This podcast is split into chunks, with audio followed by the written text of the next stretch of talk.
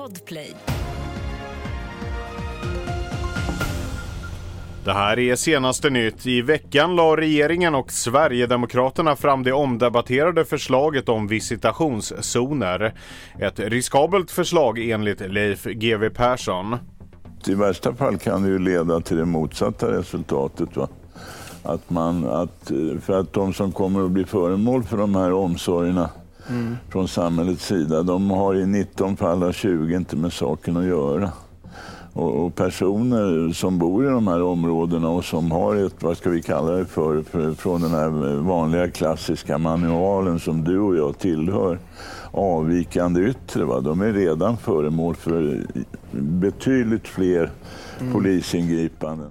Dödssiffran stiger kraftigt efter jordskredet nära en guldgruva i Filippinerna.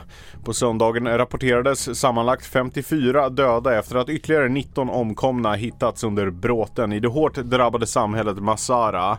Fortfarande saknas 63 gruvarbetare och invånare enligt lokala myndigheter. SMHI har utfärdat en orange varning, den näst allvarligaste nivån för plötslig ishalka och isbeläggning på västkusten under måndagen. Det rör sig om ett område som sträcker sig från Kungsbacka till Uddevalla. Mer nyheter hittar du på tv4.se.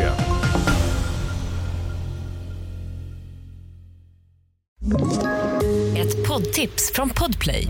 I fallen jag aldrig glömmer djupdyker Hasse Aro i arbetet bakom några av Sveriges mest uppseendeväckande brottsutredningar. Går vi in med hemlig telefonavlyssning och, och då upplever vi att vi får en total förändring av hans beteende. Vad är det som händer nu? Vem är det som läcker? Och så säger han att jag är kriminell, jag har varit kriminell i hela mitt liv men att mörda ett barn, där går min gräns. Nya säsongen av Fallen jag aldrig glömmer på Podplay.